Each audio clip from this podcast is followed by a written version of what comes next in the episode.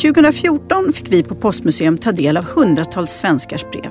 Det var inte vilka brev som helst. De var alla skrivna 1994 och de låg förvarade hos oss i 20 år för att skickas tillbaka år 2014. De brev som vi har valt ut är alla skrivna av ungdomar mellan 14 och 20 år. Jag heter Vivi Nybom och är utställningsproducent på Postmuseum.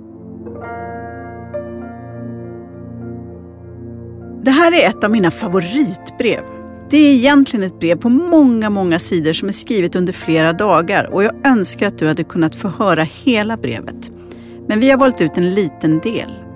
Kan man på ett bättre sätt beskriva hur det är att vara stor och liten på samma gång?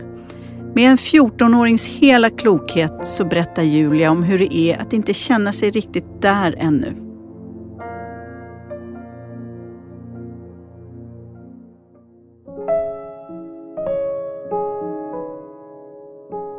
20 augusti 07.30. Jag sitter vid min sekretär och skriver. Jag har nyss vaknat och ingen annan är uppe än. Jag tycker om morgnar. Det är lite mysigt att det är helt tyst i huset. Och ändå är man inte ensam. För några år sedan var jag ofta uppe på morgonen och skrev dikter. Jag tycker det är lättare att tänka helt klart då. Hjärnan är inte full av en massa annat. Man är pigg och utvilad efter en nattsömn. Men jag gillar kvällen också. Att ligga i soffan och mysa framför tvn. Eller att vara ute på gatan och leka. Många skulle nu skriva att gå på disco och att hänga på gården. Men jag vill inte det. Jag har ingen längtan ut på kvällarna.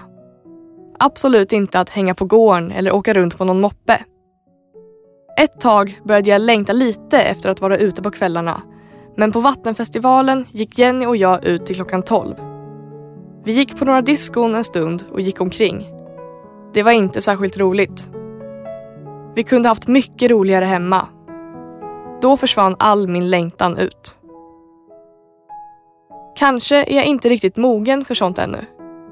Inte diskorna och de riktigt sena kvällarna. Mer som det innan. Jag kan skriva ner vad jag kom på häromkvällen. Sexan. De fria vilda lekarnas tid Smyger på folk och hittar på bus. Vattenkrig och snöbollskrig.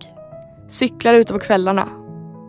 Men det är fortfarande tillåtet att ha en myskväll framför tvn med mamma och pappa.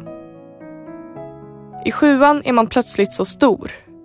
Man ska gå på disco och vara ute hela kvällen, helst hela natten. I åttan räcker det inte att vara uppe hela natten. Då ska man dricka också. Supa sig redlöst full helst flera gånger i veckan. Och i nian, hur är det då? Det vet jag inte. Det känns på något sätt som att jag inte kommit längre än till sexan. Till de vilda, fria lekarna. Om ett halvår vill jag kanske gå på diskon, men inte nu. Inte just nu. Nu vaknade mamma.